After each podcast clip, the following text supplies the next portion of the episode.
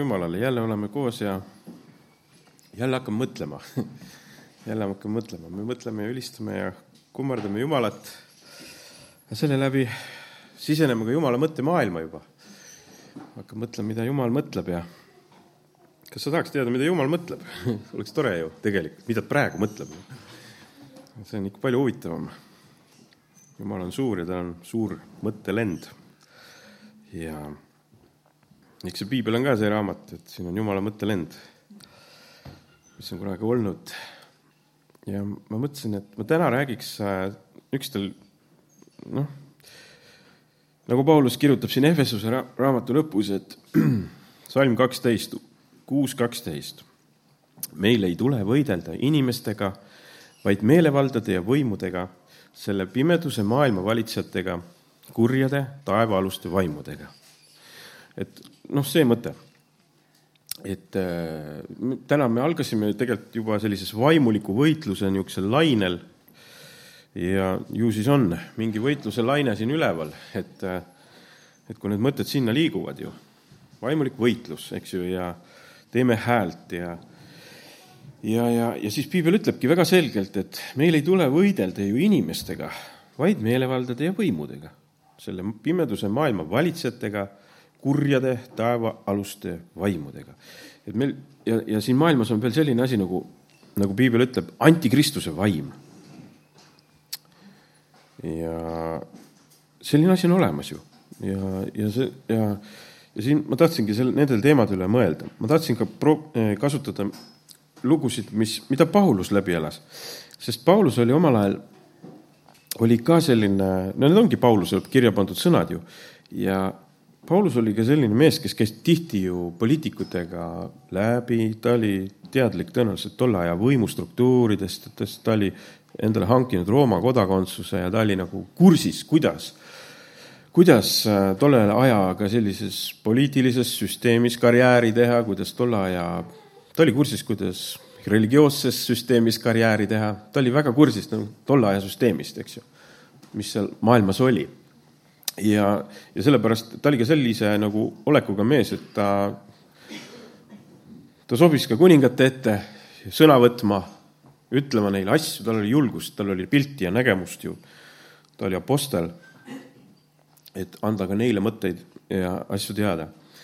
ja, ja selles mõttes Paulusel oli ka kogemusi, näiteks kui me vaatame Apostlite tegude kolmeteistkümnes peatükk, seal ta räägib äh, kuidas nad purjetasid Küprosele, see oli tema teenistuse üsna alguses kohe, kui ta oli pikad aastad, pikad aastad Jumala või noh, valmistunud Jumala töö, tööriistaks saamise puhul ja Jumal siis teda lõpuks läkitas. ma ei mäletagi, palju aastaid ta seal oma pöördumisest läks seal, ikka täitsa omajagu, kui ta hakkas tegema nagu siis seda Jumala riigi tööd ja ja apostlid, apostlitööd, nad läksid näiteks siin salm neli ja kui nad vaimu poolt teele saadetud tulid alla Seleukeiasse ja purjetasid Küprosele. ja kui nad jõudsid Salamiisesse, kuulutasid nad Jumala sõna juudi sünagoogides ja neil oli ka Johannes abiliseks. mul on ka Johannes abiliseks muideks. Mul on ka üks poeg Johannes on suur abiline. Vaatasin, et sõna läheb täit. Nad käisid läbi terve saare Pahvosest saadik, seal leidsid nad ühe juudi nõia ning vale prohveti nimega Bar-Jeesus. nii, kohe selline lugu, see oli maavalitseja Sergiuse Pauluse juures. mitte, mitte see ei olnud Paulus, vaid see oli Sergius Paulus, noh, maavalitseja nimi oli Sergius Paulus, kes oli mõistlik mees too kutsus Barnabase ja Sauluse enese juurde ning soovis kuulata Jumala sõna.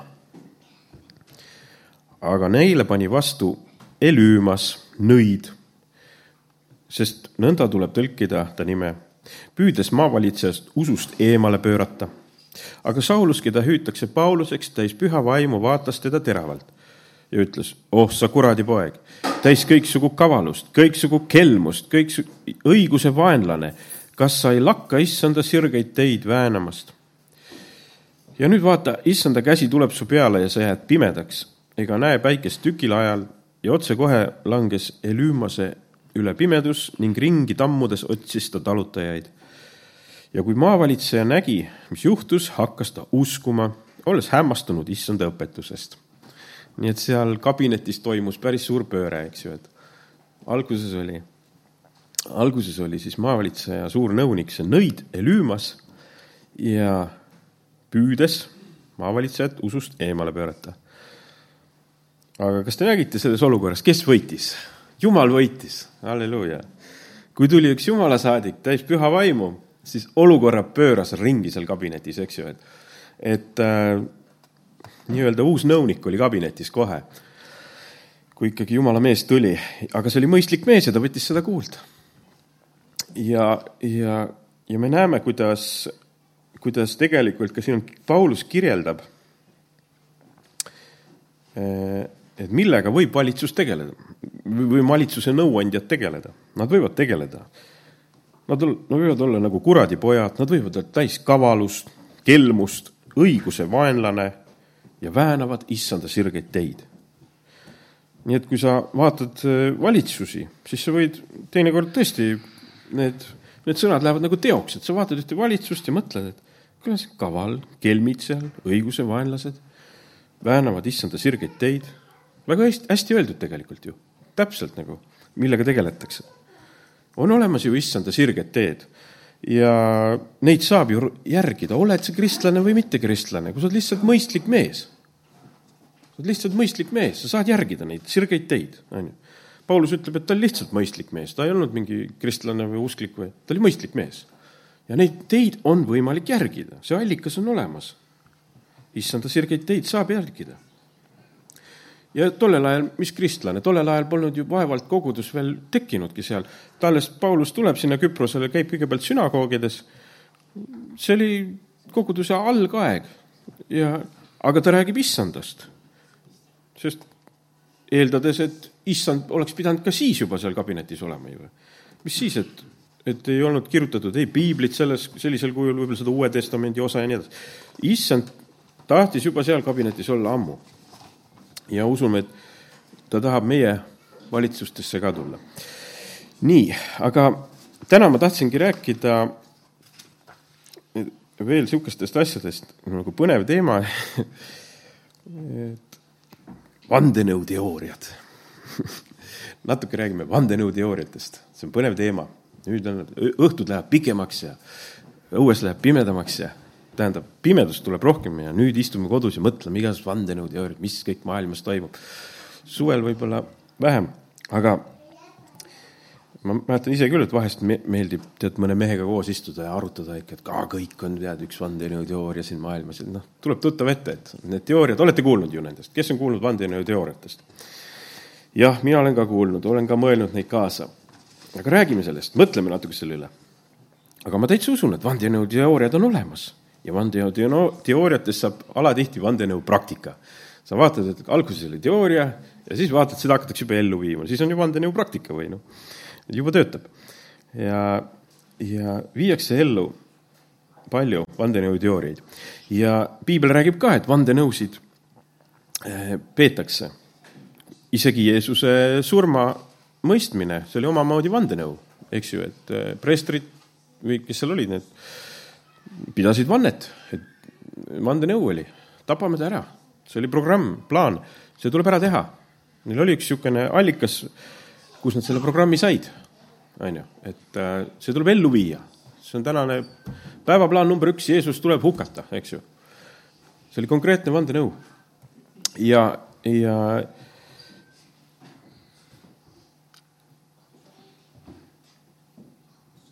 ja siis meil tulebki selline tunne, et oo, selle maailma valitsejad saavad kõik, mis nad tahavad. kõik vandenõud lähevad nagunii täide, meil ei ole mitte midagi teha. Et oh, see on nii peenelt kõik välja timmitud ja see kõik töötab. ja näed, Jeesus tapeti ka ära ja tead, et kõik see vandenõu läheb täide. Jeesus andis ennast sinna surma, eks ju. ta ei läinud vandenõuteooriatega kaasa. ta teadis küll nende vandenõusid, aga, aga ta tegelikult ju andis. ta kasutas seda kuradit ja tema vandenõud selleks, et meid päästa. ja me ka kujutame ette vahest, et need vandenõuteooriad on nii hirmsad asjad, et et, et täiesti lootusetu, aga tea, et jumal kasutab neid. vandenõud vandenõusid, mis siin kõik on. ja, ja tiht-, alatihti ta tegelikult teeb kuradit, veab ninapidi nende plaanidega, mida kurat mõtleb, et tema need välja mõtles ja kõik tegi ja nii. Vande, vandenõuteooria tundub põnev ja, ja, ja selle üle mõtlemine, aga nüüd ma lähen ühe järgmise teema juurde. Jälle üks põnev teema, ulmefilmid. no räägime, kas keegi on kuulnud siuksed, vaadanud ju? ikka tead, et sihuke asi on olemas, ulmefilmid, noh, üldse ulmekirjandus, ulmežaaner, eks ju, selline asi on ju olemas meie maailmas seda on kinos, seda on kirjanduses, noh, ma ei tea, kas teatris ka, aga pigem, pigem kinos ja kirjanduses, eks ju. nii, isegi Eesti kirjanduses on üks ul-, ulmeõudusraamat, see on August Kitzbergi Libahunt. See on ulme, ulmeraamat ju tegelikult, ulmeõudukas. no see on ju kirjutatud ju, sellises vaimus. et tuleb mingi ebareaalne asi, on ju, ja toimub midagi niisugust anomaalset. nii, see on olemas. ja, ja see on üks žaaner ja inimestele meeldib see. seal on palju huvilisi.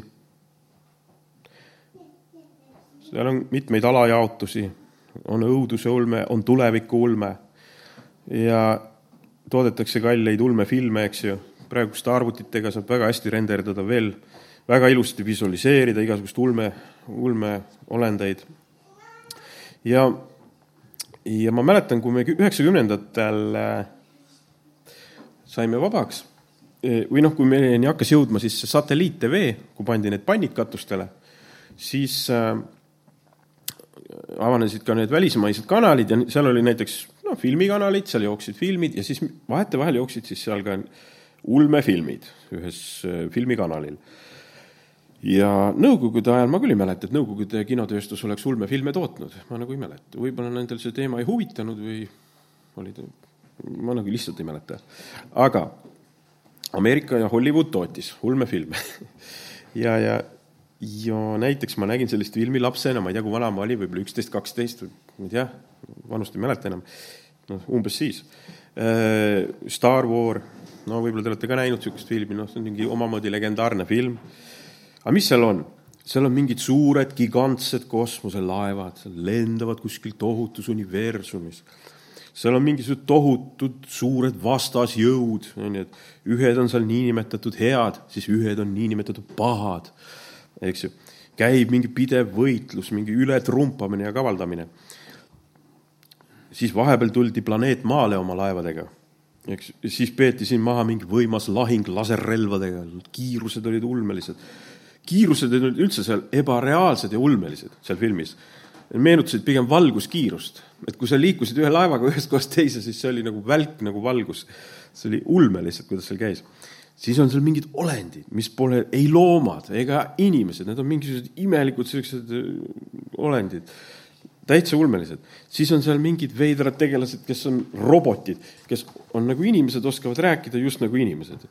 seal on sellised masinad, eks ju ja ma ei tea, kas kuuekümnendate see kosmose kosmosevaimustus ja see kõik tingis veel eriti selliste filmide ja kõigi loomist.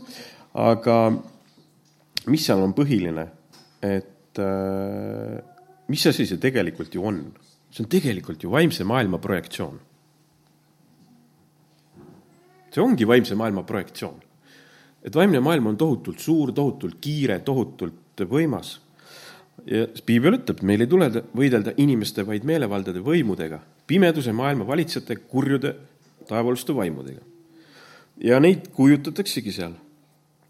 Aga noh, kui inimesed äh, sealt kinost või sealt äh, filmist välja tulevad, siis ütlevad, oh, see on lihtsalt fantastika, et noh, see on välja mõeldud kõik, et me lihtsalt, äh, meile lihtsalt meeldib unistada ja vaadata niisugust filmi, et see on fantastika.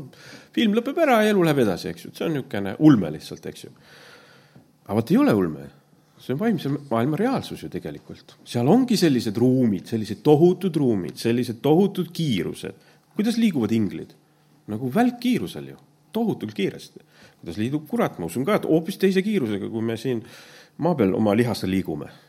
tohutu kiirusega liiguvad seal asjad. seal on suured ruumid, me oleme siin oma väikses maailmas selle kõrval, mis on vaimne maailm. et need mõõtmed, mis seal on, ikka hoopis, hoopis suuremad. ja, ja, ja kiirused, ma juba rääkisin, kiirused on tohutult suured, eks ju. Jõud, mis seal on, on tohutult suured. ei ole see midagi, lihtsalt fantastika. et see on tegelikult omamoodi selle maailmse maailma reaalsus. aga mis siis juhtub, miks, miks, miks nendest filme tehakse, on sellepärast, et, et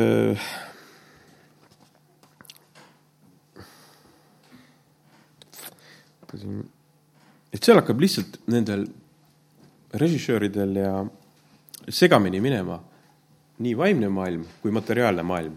Need lihtsalt miksitakse ühte ruumi kokku. ja sellest tehakse film. et just nagu materiaalne ja vaimne maailm oleks ühes ruumis ja kõik oleks näha. ja see on niisugune, selles mõttes niisugune sota-pota ja segadus, et, et materiaalne ja, ja füüsiline ja korraga vaimses nagu. et see ongi selline projektsioon, et mis siis saab no see on nende, nende, nende selline, eks nad näevad, ega nad kujutavad tõenäoliselt reaalseid asju, mida nad oma, oma vaimses maailmas isegi näevad. Me ei tea, millise asjadega nad tegelevad, et nad neid asju üldse näevad, et nad oskavad projekteerida selliseid asju. tõenäoliselt on seal sarnasusi, sest nad näevad ju reaalseid asju. üks näeb ühte, teine näeb teist, teis-, nad näevad vahest üks, ühte sama asja, nende see mõte jookseb kokku. selles mõttes, et nad näevad ju vaimset maailma. aga nii et ja me elame väga palju sellistes, et meil, näed, kinos ja kirjanduses kujutatakse sellist ulmet ehk siis seda vaimset maailma ka omajagu. Nii et läheb segamini vaimne ja materiaalne maailm ja kokku tulebki lihtsalt ulme. aga noh, ma lähen natuke kooli ka. et äh, mulle, see on minu isiklik arvamus küll, et äh, kui ma olin näiteks füüsikatunnis ja õppisime planeetide igasuguseid vahekaugusi, kaugusi ja mõõtmeid, siis mulle küll tundus, et teatud piirist ja hetkest me läksime lihtsalt ulmekirjandusse. Vabandage väga, võib-olla mõni õpetaja ei nõustu sellega, aga mina kujutan ette, et seal oli nagu mingi osa oli normaalne füüsika, aga siis me astusime ühest piirist üle me lihtsalt läksime nii-öelda ulmesse ära. Need vahekaugused, need valgusaastad ja tähted, tead, ma ütlen, see on ulmekirjandus. mulle tundub küll endale, mina ei tea. no see on lihtsalt ulme, me läksime ulmefilmi ja sellepärast äh, seda oli küll põnev kuulata, mida õpetaja rääkis, ma ütlesin, kust ta seda teab. aga, aga no see on ulme ju. me ast-, meil läks ka nüüd see materiaalne ja füüsilise piir segamini. Füüsikaõpetajal läks segamini, ta nagu, ta mõtles, et nagu, et vaimne maailm ja materiaalne on nagu üks ja sama nüüd, et ma nagu räägin, et tähtede kaugustest ja kõikidest, see on niisugune segadus lõpuks lihtsalt, eks ju. ma arvan, et seesama efekt tekib nagu seal ka, siis lisaks tekib ka ajaloos tunnis samasugune efekt. Kui sa ikka hakkad kuulama seda ajalugu, et äh, miljonid ja triljonid või miljardid aastad ja mingisugused asjad, tead, need ruumid on vaimse asja mõõtmed lihtsalt. Need ei ole materiaalse asjade mõõtmed. see mateeria ei ole nii kaua siin eksisteerinud, ma ei usu seda. mul ripub juudi kalender, mul üks hea sõber saatis juudi kalendri ja seal on üks aastaarv, tänane aastaarv on viis tuhat seitsesada kaheksakümmend kolm ja ma arvan, et see on väga reaalne, sest juudid on äh, arvutanud need põlvkonnad kokku ja need aastaarvud ja, ja teinud selgeks, et ja tõenäoliselt nad on enne, enne Jeesuse tulekut juba seda aastanumbrit teadnud. Nad on kogu aeg ju ütelnud edasi, mis see number on. Nende keskkonnas, nende kultuuris on see alati teada, noh. kas sa, me teame ka kõik, mis on aastanumber, kõik ju räägivad sellest iga aasta. ja kui nad seda ju segamini ei aja, siis ma usun, et see võib suhteliselt tõepärane olla noh, mina arvan küll, et see, et see, see ei ole, vaata see number ei ole selline ulmekirjanduse number, et miljon ja triljon, tead, et noh, ja, ja et siin lähevad vahest asjad segamini ja ma ütlen ajaloost ka, et küll meie, meid on, õpetatakse mingist ahvist arenemist või ma ei tea, mis, mis kivist ja paugust arenemist. no see on ulmekirjandus. ma tean, millest me arenesime. inimene arenes mullast ja ta areneb mulda tagasi ainult vahepeal ta, nii et õpetajale võib öelda, et inimene arenes mullast.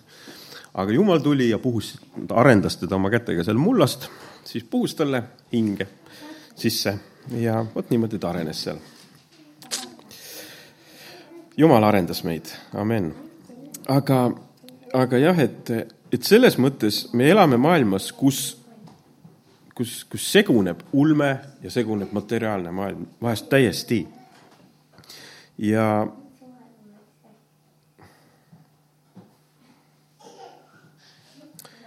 nii, ja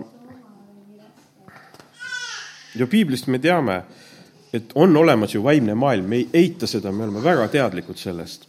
ja seal ongi selline elu, mis on erinev sellest materiaalsest maailmast ja seal on kurat ja tema inglid, eks ju, ja Jumal ja tema inglid. ja miks ma seda räägin, seda ulmeteemat? sellepärast, et äh, ma tahtsin natukene selle teemaga nagu edasi nagu minna ühte järgmisse teemasse sellepärast ma nagu mõtlesin, et räägime selle ulmefilmi, lähme korra selle mõtetesse sisse, et aru saada järgmisest nagu mõttest. et äh, lähme nüüd seda globaalse valitsemise konteksti, sest meil ka räägitakse palju, et on palju põnevat, et näed, et, et äh, ja on palju sellist, et, et meid valitsevad mingid niinimetatud müürlased ja teate küll neid jutte ju. et, äh, et igasugused äh, organisatsioonid ja kõik, et need kõik valitsevad siin meid, eks ju. olete kuulnud ju? nii, ma ei hakka neid nimesid siin kantslis siin videosse rääkima, aga, aga no põhimõtteliselt saate aru, millest ma räägin. et neil on omad plaanid, neil on omad projektid, me oleme isegi näinud neid paberitel, eks ju. me oleme näinud, tähendab mitte paberitel, aga arvutis on materjalid, mingisugused plaanid, mingisugused aastanumbrid, kuidas, mis, millised piirangute aastad tulevad, mis sealt edasi läheb, eks ju, kõik on teada, eks ju, nagu just nagu, just nagu teada ja kõik nagu läheb täpselt nagu niimoodi selle plaani järgi. aga ja, ja isegi need inimesed, kes mõtlevad ja ütlevad, et need on ju, hakkavad selle üle mõtlema, neid kutsutakse siis nendeks vandenõuteoreetikuteks. Nemad on nüüd siis need vandenõuteoreetikud, kes hakkavad küsima küsimusi ja mõtlema sel teemal, aga miks kõik niimoodi meie ümber on? ja neid sildistatakse siis vandenõuteoreetikuteks ja, ja, ja neil on üpris raske kuskil mõistlikku juttu rääkida, kohe oled vandenõuteoreetik ja nii edasi. aga ma isegi ei süüdista neid, ma usun ka neid teooriaid, need on täitsa olemas ja see ei ole mingisugune, see on reaalsus. ja, ja maailma valitsemise süsteem, noh, räägitakse, mõned lähevad sinna väga sügavalt sisse. räägitakse, et kuidas ja uurivad seda teemat peensusteni, püüavad aru saada, mis seal toimub, toimub ja ja, ja kuidas kõik tead, siin on juttu, et kuidas praegused presidendid ja peaministrid, need on lihtsalt näitlejad ja ja neid tõmmatakse niitidest ja kõik on tead täpselt nii, nagu tead kuskilt keegi noh, oled, tuleb tuttav ette need jutud, eks ju, need niisugused. ja aga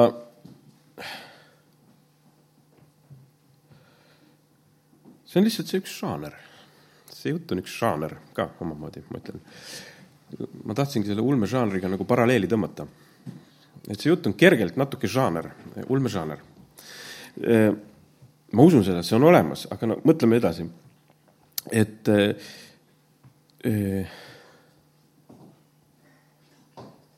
loeme meenutuseks korra veel Efesuse kuus. meil ei ole te tegemist selle maailma või noh, meil ei ole tegemist liha ja verega, eks ju. Efesuse kuus ütleb nii meil ei ole tegemist liha ja verega, vaid selle maailma valitsejatega. ehk siis vaid meelevaldade võimudega, selle pimeduse maailma valitsejatega, kurjade taevaaluste vaimudega. vot. ja Paulus on ka täitsa kursis selle teemaga. ta oli tolle aja mees, ta on kursis selle teemaga. seal olid tõenäoliselt võib-olla ka omad vandenõuteooriad ja asjad liikusid tollel ajal aga Paulus on kursis selle teemaga. noh, tollel ajal võis ju ka see mingi, et oo, kõik Rooma tead tõmbab seal ja keda seal, kus, kes teab, mis jutud siis olid, eks tolle aja kohta. ja on inimesi, kes hakkavad väga, väga, väga seda uurima, lähevad nii sügavuti seda uurima. aga tegelikult, mis on oht sellega teemaga, et me muutume ju siis nagu paranoiliseks. Paranoi-, mida tähendab sõna paranoiline? see on, ma vaatasin järgi, üks, üks tõlgendus on sellele mõistele nii, inimese instinkt või mõtlemine, mis on tugevalt mõjutatud ärevusest või hirmust, tihtipeale kaasnevad sellega luulumõtted, viirastused ja, ja muu irratsionaalne. ütleme, kui me hakkame uurima neid teooriaid ja lähme väga sinna sisse, siis meie tulemus on see, et me muutume võib-olla paranoilisteks, me hakkamegi nägema irratsionaalseid asju, imelikke asju. pastor Aleksei tegi mitte ka ammu, mõned aastad tagasi äh, ühe muusikali Sügavus puudutab sügavust, eks ju. ja ta, selle muusikali mõte oli ka see, kui sa hakkad uurima kurjuse maailma, siis see sügavus lõpuks puudutab sind, sest sa kaevad selle kaevu sees, eks ju. ja kui sa hakkad uurima Jumalat, siis see suurus ja sügavus, mida sa Jumalat uurid, see ka puudutab lõpuks sind. vaata, need on need kaks reaalsust. ja e, mina ütlen küll, et inimesed ei ole võimelised nii peent juhtimissüsteemi tegema, nagu meile vahest seal nendest teoreetikud räägivad. inimene elab. see ei ole inimeste välja mõeldud, ma ei usu. ta ei ole võimeline, inimene on inimene, ta sünnib, ta elab mõned aastad, ta elab kaheksakümmend aastat, eks ju, aga sellise peensusega maailmat juhtida, ma ei usu, et inimene on võimeline nii ruttu ja nii suurt hulka inimesi ja kõike seda süsteemi ehitama. see, selle taga on mingi vaimne asi see ei ole reaalne, et ükski inimene suudaks üldse välja mõeldagi midagi sarnast, ta peaks elama tuhat aastat või kaks tuhat aastat või midagi rohkemat. ta peaks olema väga algusest peale inimene, kes suudaks välja mõelda nii peenet kontrollmehhanismi, nagu me vahest loeme nendelt teoori-, teooriatest, eks ju. nii, ja et see ei ole niimoodi, et mingisugune, et eh, inimeste töö see ei ole inimeste töö, isegi ma usun, et needsamad piirangute ajad, noh, teate küll, millest ma räägin, see ei ole inimeste töö. Ma ei usu sellise peensusega see värk välja mõelda, see ei ole, ma ei usu, et see on inimeste töö. inimesed osalesid selles. aga, aga seal taga on vaimne maailm. sellist projekti inimlikult ilma vaimse toeta läbi viia, ma ei usu sellesse. veenda ära sellise absurdiga. see on ebareaalne. seal peab taga olema vaimne maailm. seal peab olema taga, nagu Paulus ütleb, meil ei ole tegemist, on ju, inimestega. Meil ei ole tegemist inimestega meil ei ole tegemist, meil ei ole mõtetki võidelda selles mõttes inimestega. meil on siin meelevallad, võimud, pimeduse valitsejad, kurjused, taevalised vaimud. selliseid asju on võimelised korda saatma ainult sellise kaliibriga asjad, vaimsed asjad. ja järgmised asjad, mis siia maailma tulevad, Paulus ütleb ikka, meil ei ole tegemist inimestega, me võime võtta ühe peaministri või oma, oma presidendi ja lihtsalt vadrata, kui halb ta on. Ära sa usu, et ta on võimeline niisugust asja üldse välja mõtlemagi ta ei ole. ta lihtsalt on, ta on vaimustuses sellest süsteemist, mis tulevad nendelt meelevaldadelt, võimudelt, ta vaimustub sellest maailma, see pimeduse maailma valitsejate süsteemist, see on lihtsalt vaimustus, kus ta on, mitte midagi muud. see on üks oma jõgi, kust saab informatsiooni, see on üks oma allikas ja nii edasi. no ütleme, et see ei ole inimeste võime. ma ei usu seda ja selles mõttes ma arvan ka, et vandenõuteoreetikutel läheb nagu ulmefilmis sassi kaks asja. Neil läheb sassi materiaalne ja füüs- ja, ja vaimne maailm. ja kui sa hakkad nende raamatuid lugema või mingeid tekste lugema, siis seal on üks sota-pota. selles mõttes, seda ei ole võimeline inimene välja mõtlema, mida, mida nad kirjutavad. seal on juba vaimne maailm ja, ja nende vaimse maailma plaanid, kus inimesed lihtsalt osalevad ja äh, ja, ja, ja lihtsalt, et kui nende juttu kuulata, kohati vaatad, no kuule, kuule, see on ebareaalne, see on ulmefilm, mis te räägite, seda ei ole võimeline inimene välja mõtlema. Te lihtsalt räägitegi juba vaimse maailma plaanidest, mida kurat on siia plaaninud ja nii edasi.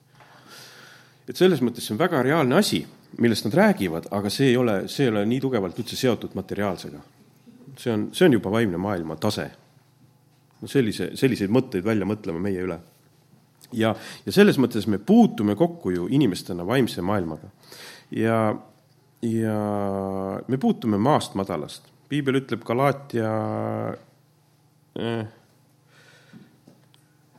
kas ütleme Luuka üks viisteist näiteks, sest, sest ta saab suureks issanda silmis, ta ei tohi juua veini ega muud vägijooki ja ta täidetakse püha vaimuga juba oma ihus näe, et Jumal saab täita, näed, siin on äh, Risti ja Johannesest juttu, täidetakse püha vaimuga juba oma ema ihus. ja Paulus räägib, üteldes sellele juudi nõiale, oh sa kuradi poeg, aga see võib ka juba juhtunud olla juba oma ema ihus, et ta see kuradi poeg on.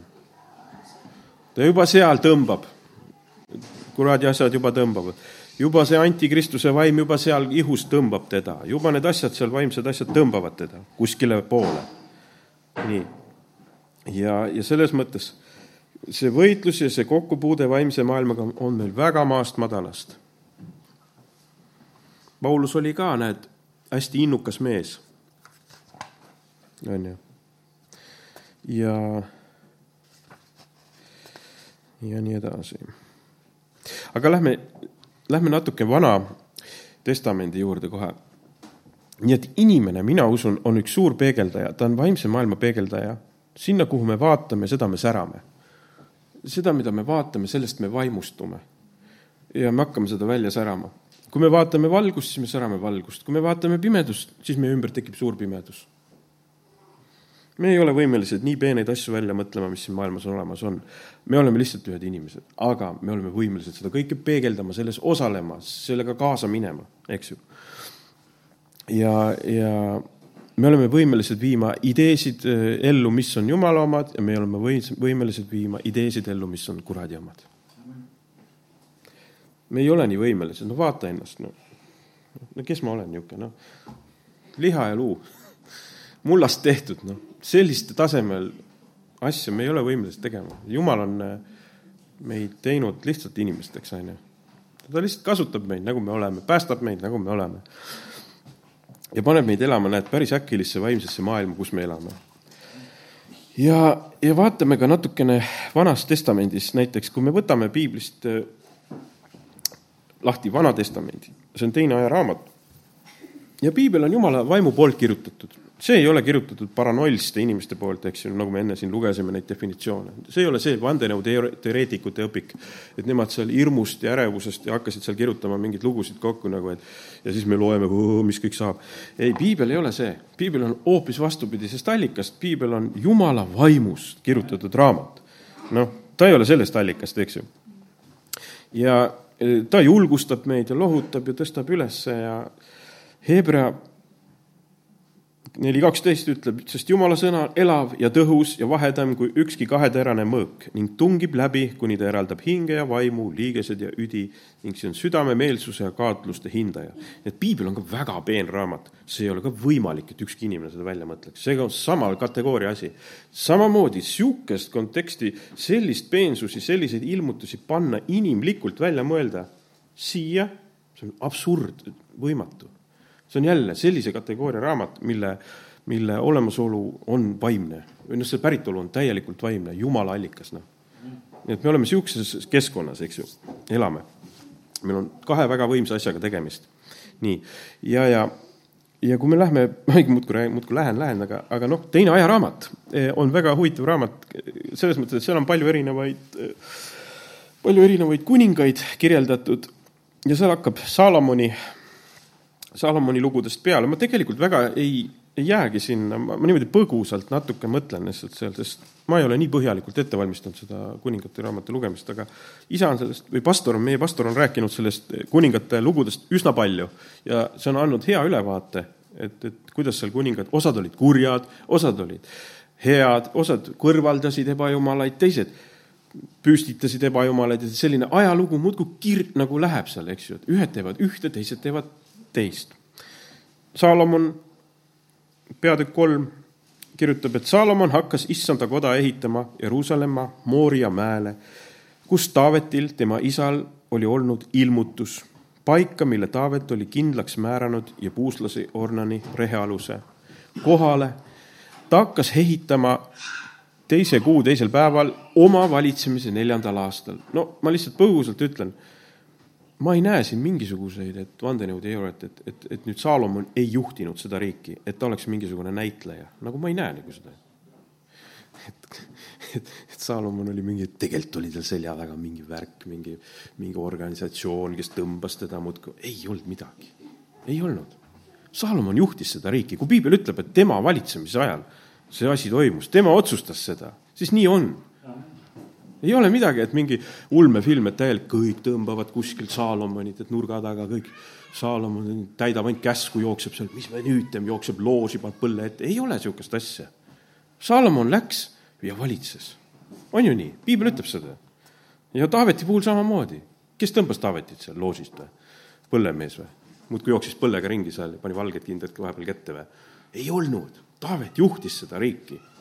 päriselt juhtis ja ärge olge petetud, need valitsejad, kes täna juhivad, nad juhivadki seda riiki. ärge, ärge ajage mingeid luulusid endale pähe, et, et ütleme, et kui meil on siin idanaabril vägev president, et teda muudkui tõmmatakse ja tiritakse. mees valitseb riiki. mees valitseb riiki.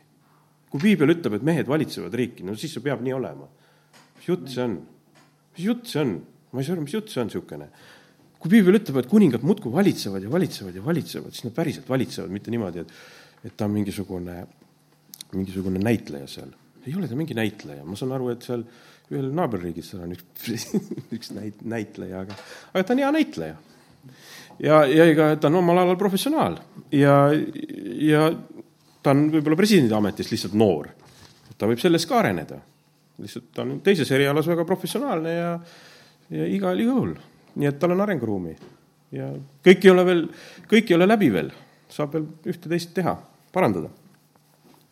nii, aga mõtleme niimoodi, et, et mehed valitsevad. kui sa vaatad järgmisi kuningaid, no okei okay,, Saalomoni elus oli niimoodi, et tema elu viimastel aegadel ta pöördus siis mille poole? ta pöördus ebajumalate poole ja mis ta hakkas tegema? ta hakkas neid kummardama oma naiste pärast. no vaata, seal tekkis see vaimne muudatus. Vaata seal, milles? vaimse maailma muutuses tekkis vaim-, tema muudatus.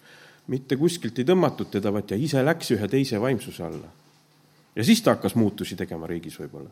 no muidugi tema elus väga palju ei muutunud, tema poja elus äh, juhtus see, et tõmmati äh, riik kaheks ja, see Rehobeami ajal. nii et kui me vaatame kuninga raamatut, seda ajaraamatut, kus on kuningatest kirjas, siis ma, mina ikka vaatan ja näe, ma nagu mõtlesin selle peale, et no ei ole mingisugust tõmbamist seal. mehed kas tegelevad vaimselt õigete asjadega või mehed kas tegelevad vaimselt valede asjadega. aga see juhtimine, mis sealt tuleb, on nii palju suurem nendest allikatest, et meil jääb mulje, et neid tõmmatakse, aga tegelikult vaimne maailm tõmbab neid. vaimne maailm tõmbab, see, on nii tugev maailm. ja kui me vaatame, lähme Vaaro, mõtetes Vaaro juurde. noh, esimese Moosese nelikümmend üks kaheksa. Aga hommikul oli ta vaim rahutu. esimese Moosese nelikümmend üks kaheksa. see oli see Joosepi aeg. hommikul oli ta vaim rahutu ja ta läkitas järele ning, ning kutsus kõik Egiptuse ennustajad ja targad. ja Vaaro, ja Vaaro jutustas neile oma unenäo, aga ükski ei suutnud seda Vaarole seletada nii, Vaaro nägi unenägu, oli rahutu seal oli palju ennustajaid ja tarkasid, igasugu nõidasid, eks ju. Nii et millega tegelikult Vaaro tegeles, ta ei te-, ta ei olnud näitleja ega marionett. ta valitses. Vaaro, mina usun küll, Vaaro valitses seda maailma või seda omaaegset Egiptuse impeeriumi, valitses. ta ei olnud mingi näitleja seal, absoluutselt. no kuule, Vaaro oli kõva valitseja. aga millega ta tegeles, oli vaimse maailmaga. ta otsis, vaata, infot alati vaimsest maailmast tal oli igasuguseid neid posijaid ja tarku ja sealt käis selle info küsimine, valest allikast käis, eks ju, valest allikast käis info otsimine. ja vaat nad ei suutnud teda aidata. ja siis tuli Joosep oma jumaliku tarkusega ja jumaliku allikaga ja seletas talle ära, noh, ja seletas talle ära ja Varu oli ka mõistlik mees ja pani Joosepi valitsema, halleluuja. mõistlik mees oli see Varu, pani Joosepi valitsema ja tolle aja Vaaro oli võrreldav tänase võib-olla impeeriumi juhiga, näiteks USA juhiga, Venemaa või Hiina presidendi kohaga. ta oli sellise mõjuga mees, noh, ta oli ju impeeriumi juht. ei olnud ta mingi, ta juhtis seda riiki, aga ta ammutas vaimsest maailmast juhtimist, eks ju.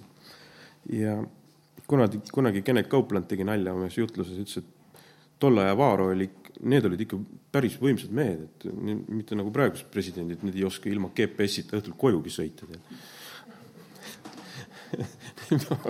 Neil peab olema see ekraan tead ees, et nad ei oska õhtul kojugi minna, tead.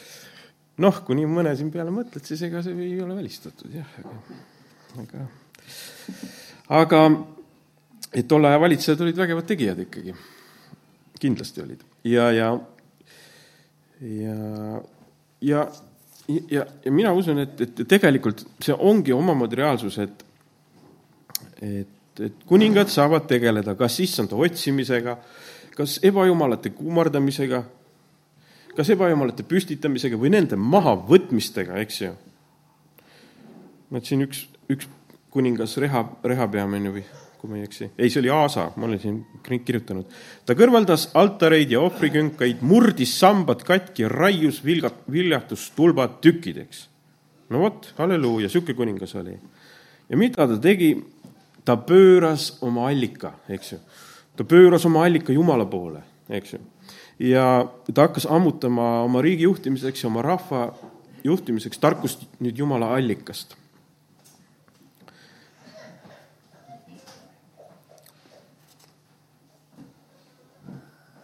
Nii et jah, et selle mõte ongi see, et, et, et kuidas, kuidas tegelikult seda maailmat juhitakse. mina usun küll, et see on väga palju vaimse päritoluga tegevus. et meil lihtsalt on olemas kaks allikat ja need ja need teoreetikud ajavad lihtsalt materiaalse ja vaimse omavahel segamini, kokku tuleb ulmefilm ja meil on põnev lugeda. tegelikult on, ei ole midagi võimatut, meil on tohutu Jumal selja taga, eks ju, ja Jumalal on ju omad plaanid, omad nägemused. ei ole üldse nii võimatu, nagu kurat tahab oma juttudega rääkida, et kõik on paika pandud, kõik läheb nii, nagu tema tahab. ei, kõik läheb nii, nagu Jumal tahab, amen. kõik läheb nii, nagu Jeesus tahab on olemas kaks allikat ja, ja nii edasi. nii. Ja kui me toome näiteks, ma tõin ka sellise nagu pildi, et vaadates tänast näiteks poliitikat siin Eestis ja võib-olla teil kõigil kangastub mõni üks noor mees, kes oli meil minister, ma ei hakka siin nimesid nimetama, aga, aga on niisuguseid toredaid noori mehi, kes on ka ministrid olnud ja, ja võib-olla ta käis kuskil juhtimas maailma käis kuskil maailma juhtimisorganisatsioonis, tähtsates kohtades, eks ju, kus seda maailma noh, juhitakse, püütakse juhtida, eks ju. ja see noormees satub ka siis sinna, eks ju. võib-olla lihtne Eesti noormees, andekas noormees, palju talendikas noormees, aga mis ta, mis temaga seal juhtus, kui ta läks nüüd nendesse vägevatesse kohtadesse, kus on selle maailma valitsejad ja kõik tähtsad ninad koos ja kõik need ideed, mis tegelikult tulevad vaimsest maailmast, mis tegelikult tulevad sellisest kuratlikust maailmast, ta on seal ja mis temaga juhtub? tal lähevad silmad särama. et vau wow,, millised ideed, on ju, ta vaimustub sellest, see tõmbab ta käima, eks ju, see keskkond tõmbab ta käima, see on, ta on, see on see tema poolus mõtle, me saame seda, see on, see on missioon, ma hakkan ellu viima neid asju, neid piiranguid, neid kõiki asju. ta vaimustub sellest lihtsalt. Tal ei ole vaja midagi maksta, ta teeb tasuta ka seda. ta teeb öö, öösel ületunde tasuta. lihtsalt sellepärast, et ta vaimustub saad aru? me, me kujutame ette, et kõik on kinni makstud, kõik kindlasti teevad, see on kõik nii kinni, ei ole midagi kinni makstud. Nad lihtsalt on vaimustunud sellest, mida nad teevad. see, see läheb jälle niisugusesse vandenõuteooriasse, et kindlasti, et hakkame otsima näiteks praeguse peaministri mingeid seoseid, kindlasti seal on suured rahad mängus, et niisugused asjad juhtuvad. ei, kindlasti talle niimoodi makstakse selle ja tolle eest, et ta üldse nii teeb. ei ole, ta vaimustub lihtsalt selles ta on vaimustunud selle maailma vaimust lihtsalt, mitte midagi muud. tal lihtsalt silmad säravad, ta tunneb, et tal on missioon. ma saan viia sellist vägevat plaani täide, sellist täiuslikku, võimast, kõikehõlmavat plaani. Aga see on ju kuradi plaan. tal lihtsalt silmad säravad, lihtsalt säravad, ta on nõus tasuta tegema seda. tal on elu mõte see. peaasi, et leib on laual, ma hakkan tegema see ei ole midagi, et me maksame. vaimsed asjad vaimustavad inimesi. ma kujutan ette, et need noored ministrid, osad lihtsalt vaimustuvad sellest. Paulus ka vaimustus. Paulus vaimustus omal ajal sellest, kuidas ta kogudusi taga kiusas. no mis suurt raha ta selle eest sai, ta vaimustus sellest. mõtle, terve süsteem, me saame piinata kristlasi, tappa, hävitada, puhastada. noh, ta vaimustus sellest. aga kuni ta vaimustus ühest uuest asjast, Jeesusest, selle päevani vaimustus nii et mina ei usu, et need meie armsad ministrid siin oleks mingid kinni makstud, mingid nii tõmmatud, tiritud, nad on vaimustuses selle maailma süsteemist. Ja see vaimustus ja see süsteem juhib neid ennist. see on nagu see, et sa lähed ülistad ja jumal hakkab sind ennast juhtima seal. Nemad lähevad selle sisse ja see juhib neid, nad oskavad seal õigeid vastuseid ja otsuseid teha. nagu meid juhib püha vaim, eks ju. ja, ja vaimustus tuleb seal. kunagi, kui ma läksin tööle ka arvutisel ongi, niisugust firmatki enam ei ole, nüüd on nimega Klikk, on ju, aga ma olin noor mees, läksin Tallinna elama ja, ja, ja, ja siis seal oli tööintervjuu ja ma pidin ka endast natuke rääkima. see oli tore, seal olid toredad ettevõtte juhid ja, ja ma seal siis püüdsin ennast tutvustada ja, ja siis ma, üks asi jäi mul seal jutu käigus siis oli, et, et ma olin just tulnud e-, eelnevalt Võrust ja ma olin maamõõtja olnud ja ma mäletan noore mehena, teed ju kõvasti tööd, sul on energiat, tead, ma mäletan, ma mõõtsin vist üks aasta, kui ma õieti mäletan, vähemalt vist viiskümmend toimikut maatükke tekkis meie mõõtmiste tulemusel, no see on suur hunnik toimikuid, mida me ära tegime, no lihtsalt see oli noore mehe rügamine ühe teise mehega siin tegime ja, ja tulemus oli võimas. aasta lõpus vaatasin, vau, kui palju tööd me jõudsime ära teha. aga, ja siis ma mäletan, et sattusin hoogu, sattusin hoogu seal maad mõõtes, muudkui aga mõõtsime, käisime ja mõõtsime, olgu hea ilm või olgu halb ilm, muudkui mõõtsime, tead. aga noor mees on ju hoogu täis, oleme kõik ju noortel on jõudu, vaimustust ja teht-, teevad oma asja, tead, õhtul tulin, ma mäletan, tulin sealt oma büroost tagasi ja kõht oli nii tühi, sinna vahele jäi üks hamburgeriputka. no, no ei saa mööda, tead, kõht on nii, sa lähed ja võtad selle burgeri, sa ei jõua koju ka tulla, tead, sa oled päev otsa tööd teinud, sa ei suuda, tead, see putka on seal vahel, noh, oma heade piltide ja hamburgeridega. Vaata, niimoodi tehakse tööd. Täie sellise, on ju, vaimustuse pikkade tundidega, eks ju, noh, see on vaim-, see on noore mehe niisugune elu. ja siis ma läksin Tallinna ja läksin töövestlusele ja siis intervjueeriti mind, et räägi endast ja siis mul tuli see asjaolu meelde, et oo oh,, et kuidas ma ikka hoogu satun ja kuidas ma ikka tead. siis ma ütlesin, ma võin vahest hoogu sattuda täitsa tööd tehes. Ja siis nendel suurtel ettevõtjatel tegi, tegi see natuke nalja, küsis, ta ei naernud, ta oskas tõsise näoga küsida, ütles, kaua sul see hoog tavaliselt kestab? Siis ma mõtlesin, ma vist ütlesin midagi naljakat praegu. Kaua sul see hoog praegu kestab, kaua sul see tavaliselt kestab aga noor mees, noh, ta tahab tööd teha, tal on hoog sees aga noh, nii ma olin seal, täies eheduses eks ju. ja, ja ei, ma sattusin seal ka hoogu kusjuures ja hoog oli nii suur, et ükskord äh, panime oma poega vist äh, rekordkäibe ja ma sain sellest nii suure auhinna, et ma sain Iisraeli minna. mulle kingiti tuusik, äh, vali riik ja mine ja me läksime Kirsikaga, esimene reis. halleluuja, hoog oli hea noore mehe hoog, lihtsalt noore mehe hoog, eks ju. vanemad mehed enam ei hakka nii hoogu minema võib-olla, aga noored lähevad hoogu. ja mina usun ka, et need meie suured valitsejad, ma ütlen, need lähevad lihtsalt hoogu need noored. Nad vaimustuvad ühest süsteemist ja see on see kuratlik süsteem. ja, see silm läheb särama, ületunnid, kõva töö, ära tehakse kõik, mis, mis need plaanid on et tegelikult see asi ei ole, nagu me vahest kujutame ette, et see on nii võimatult keeruline. Paulus ütleb, ei ole see inimeste välja mõeldud, see, me ei peagi inimestega võitlema, see on vaimne asi. ja me sõltume vaimsest maailmast rohkem, kui me arvame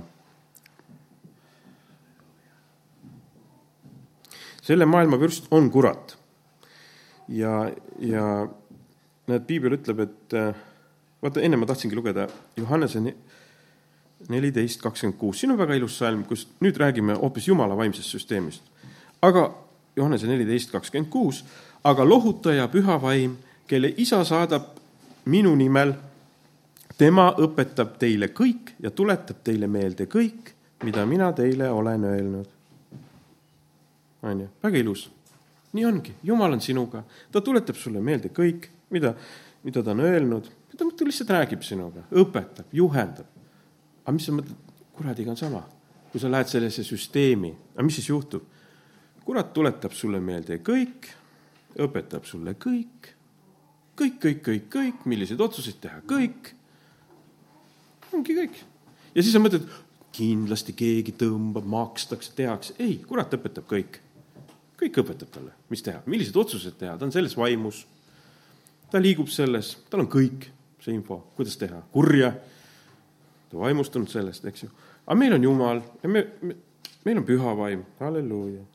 meil on teised infoallikad. nii et see on ikka väga ere, millises maailmas me elame. me elame sellises ühest küljest tohutult ohtlikus süsteemis, eks ju, et kust võib teha, meist võib täiesti koletised tulla me võime nii palju kurja teha, me teame ajaloost neid koletisi, kes, kes, kuskohast selline tarkus, nii palju kurja üldse teha, eks ju, võimatult palju osata teha kurja. aga see on juba vaimne maailm.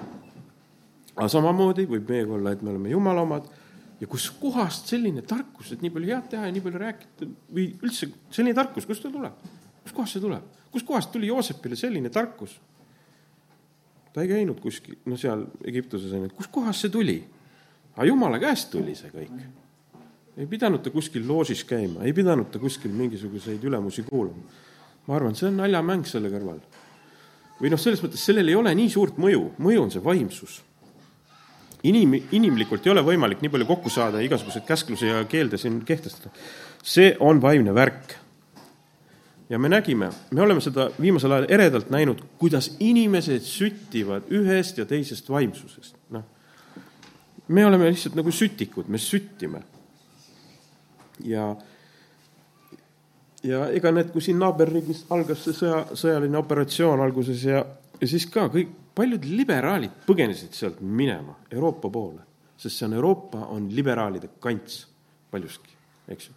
liberaalse maailma kants on ka ju Euroopa, eks ju, noh et ja nad põgenesid oma sellisest, sellisest olukorrast seal minema, sest, sest nad on konservatiivsem kants, on see idanaaber siin. ja, ja vaata, nad said aru, et nüüd läheb neil kibedaks meile tehakse elu raskeks, me peame siit minema, sest meie oma igasuguste õpetuste ja kõikide ideoloogiatega, mis tuleb sealt liberaalsest maailmast, no meid võetakse nüüd pihtide vahele, meid pannakse vangi. meil tuleb minna ja nüüd Lätti oli tulnud nii palju neid, noh, ma ei tea, kui palju, aga päris mitmed äh, olid ka just Riiga kogunenud, need sealt ära põgenenud, et, et äh, lihtsalt nad teavad, et, et, et kui asi läheb teravaks, nad võivad sattuda vangi. noh sellepärast, et on erinevaid allikaid, on erinevaid, on presi-, on erinevaid presidente, kes toituvad erinevatest allikatest ja teevad erinevaid asju. jah, siin on keegi natukene tahab abi, abi saada. nii et jah, et on erinevaid allikaid näed, on erinevaid allikaid, kus keegi ammutab. üks ammutab need kogudusest, teine mujalt. aga, ja, ja on erinevaid presidente, kes ammutavad kas Jumala käest ideid ja ka täna, ja ka täna, ja ka täna on presidente, kes ammutavad Jumala infot, usud sa seda? ja on ka täna neid presidente, kes ammutavad kuradi infot. mõlemaid on. miks see kuninga raamat kirjutab nii, et osad olid head ja osad olid halvad? täna on ka nii ei ole midagi muutunud, et kõik on halvad. täna on ka nii, et osad inimesed on need mõistlikud mehed ja osad ei ole need mõistlikud mehed, amen. ja, ja lihtsalt see ongi see vahe, neid ei tõmmata ja ei tirita. näiteks Lätis juhtus väga hea asi praegu, et, et äh, pastor Martsis Jensitis äh,, kes teab seda? pastorit, tuntud Läti pastor, ta on äh, tal on see lätikeelne kogudus, tal on mitusada inimest sul vist kogudus käib, no ta on täitsa suur, võimas kogudus, tema tegi seda palvepäeva, isand temast, pastor on rääkinud, eks ju. ta on ise käinud seal. tema sai parlamenti, tema sai Läti parlamenti nüüd. jah, ja on parlamendis, halleluuja. Läksid oma, oma erakonnaga, seal on ju neid hästi palju erakondasid, aga aga tema sai ka sisse, nad on küll opositsioonis, aga istub parlamendis. ja ma usun, et vaata, see mees on nüüd püha vaimu täis ta on parlamendis, eks ju, tal on teine allikas, kust tema infot saab. ja, ja tema juhindub teisest allikast, ta räägib seal teisi mõtteid, teisi ideid, mis võivad sütitada ka parlamendiliikmeid, kui nad neid mõtteid kuulavad, kui ta läheb sinna kantsli või ütleb siin oma tooli mikrofonist. nii et tegelikult see on suur asi, ta lihtsalt läheb oma ideedega sinna parlamenti, nende jumalike ideedega. ta istub seal jumalike ideedel, nagu Joosep seal, istub oma ideedega seal ja need seal mõtlevad, et no näevad oma unenägusid ja mõtlevad seal, mida teha. värisevad seal, aga üks mees on näiteks, no seal on veel, usume, et seal on veel häid mõistlikke mehi seal parlamendis, aga, aga tema on nagu pastorina niisugune vaimu, püha vaimu täis mees. ja, ja tegelikult ei ole asi võimatu ka siin maailmas selles mõttes, et me mõtleme, et kõik on paika pandud, kõik sünnib, ei ole nii palju, kui me lubame ka sellel vaimsel maailmal siin tegutseda. meil on ju meelevald ometi ka antud Jeesuse poolt, amen. Tegelikult on, meil ei ole mõtet ennast äh, äh, püssi nurka visata selle mõttega, et siin on see vabamüürlus või mingid niisugused asjad, et me ei saa sellele vastu. ei, Paulus ütleb, ei ole siin midagi inimestega tegemist, ei ole siin midagi inimestega tegemist. ärge petke ennast ei ole nende inimestega tegemist. me otsime taskulambiga, et kus need inimesed on, saaks need kõik teada, paneks kõik nimekirja. et siis on vähemalt teada, kes on kes. ei ole vaja inimestega tegeleda, on vaja tegeleda vaimsusega. Meil on kirikus vaja ja koguduses vaja vaimulikku võitlust pidada, eks ju. ja niisuguseid asju tegeleda, me võtame selle meelevalla selliselt sest see on pettus, et, et, et see käib kõik nii, nii inimeste jõuga, see ei käi inimeste jõuga, see käib vaimse jõuga. amen, halleluuja. Ja tõuseme, palvetame, see oligi see täna, tänane mõte, et tänu sulle, Jeesus, et, et sa oled täna ka sellisest vaimse mõt-, vaimse võitluse mõtetel meile rääkinud ja ma usun, et see on sinu, sinu plaan valgustada seda olukorda, mis siin on et me ei oleks petetud, Jeesus, kuradi valedest, kuradi pettustest, vaid sina oled valitseja, Jeesus, kuningate kuningas ja me täname sind, Jeesus, me võime olla sinu esindajad siin maal ja ja, ja, ja sekkuda olukordadesse sinu plaanidega. me ei ole ka need, kes, kes nagu oskame ise neid plaane välja mõelda, me ei oska, need on nii tohutult suured plaanid, mis on sinu plaanid. ja ka kuradil on nii tohutud plaanid mis on eh, tema plaanid, aga Jeesus, me anname ennast sinu plaanide teenistusse, et sinu võimsad plaanid sekkuksid siia. me teame, et sul on palju rohkem jõudu, sul on palju rohkem väge, sul on palju rohkem valgust ja kõike, mis on vaja seal tohutus äh, vaimses maailmas selle sõjapidamise jaoks. tänu sulle, Jeesus, amen, amen..